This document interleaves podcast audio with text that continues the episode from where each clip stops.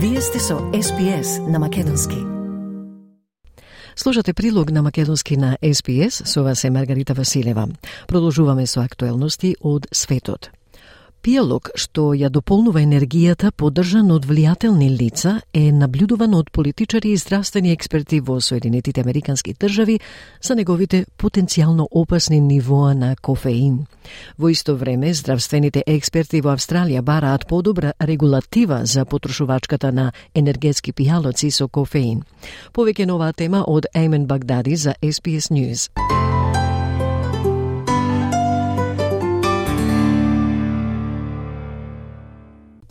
Еден американски сенатор ја повика управата за храна и лекови на земјата да ги истражи здравствените ризици од новиот енергетски пијалок Prime.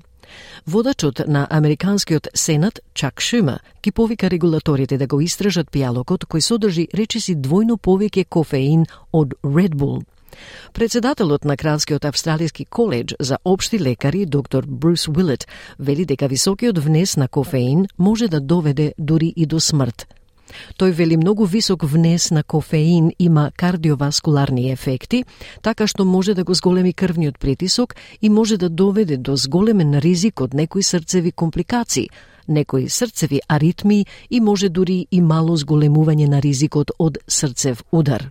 Тој ја потенцира потребата за предпазливост во однос на количината која се конзумира, особено поради фактот што овие кофеински производи се популарни кај децата и адолесцентите. We know that very high caffeine intake um, it does have cardiovascular effects, so it can uh, increase uh, blood pressure, uh, and it can lead to increased risk of some heart complications, heart arrhythmias, and perhaps even a small increase of risk of heart attack. So it just needs a bit of caution about how much we drink. Uh, and particularly, I think we need to be really careful about how much of these caffeine products um, children and adolescents are, are, are taking, because I think that's a big concern. Пијалокот Prime Energy е создаден од јутуберите KSI и Logan Paul и главно се продава на деца.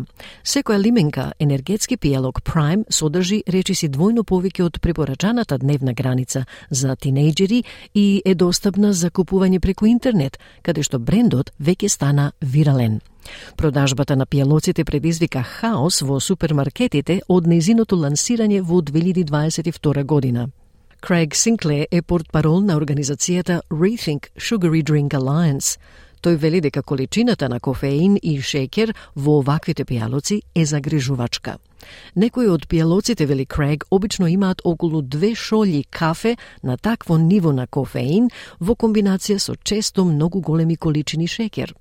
Значи, 14 до 15 лажички шекер во една лименка не е невообичаено.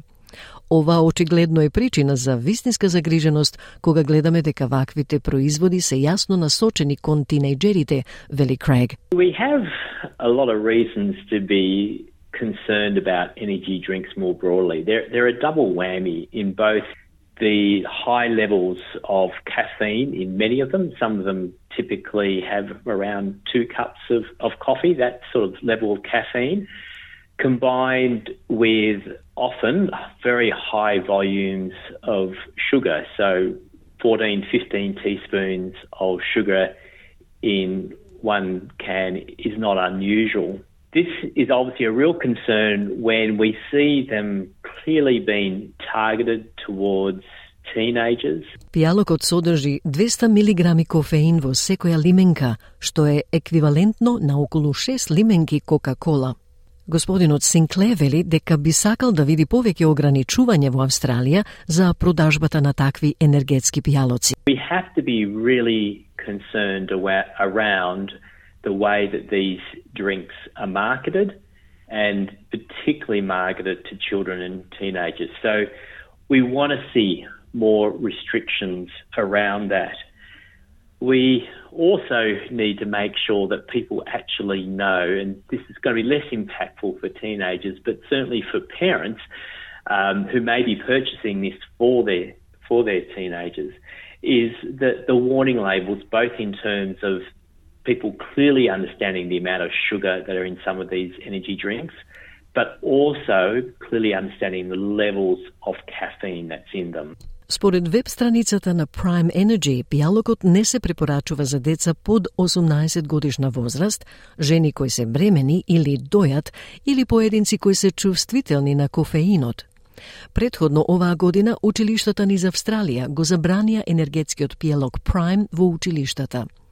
Во последниве години, австралиските енергетски пијалоци исто така предизвикаа слични грижи за здравието. Во 2014 година Мик Клак почина откако конзумирал премногу енергетски пијалоци, а по него почина и Џон Рейнолдс во 2020 година. Подпредседателот на Кралскиот австралиски коледж за обшти лекари доктор Брус Уилет вели дека треба да има подобра регулатива за практиките за маркетинг на таквите пијалоци во Австралија. Тој вели треба одредена регулатива за количеството кофеин во овие пијалоци, но по-конкретно потребни се силни совети за кофеинот, особено за децата и за младите возрастни.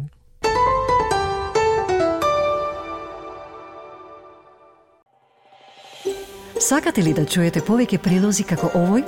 Слушате подкаст преку Apple Podcasts, Google Podcasts, Spotify или од каде и да ги добивате вашите подкасти.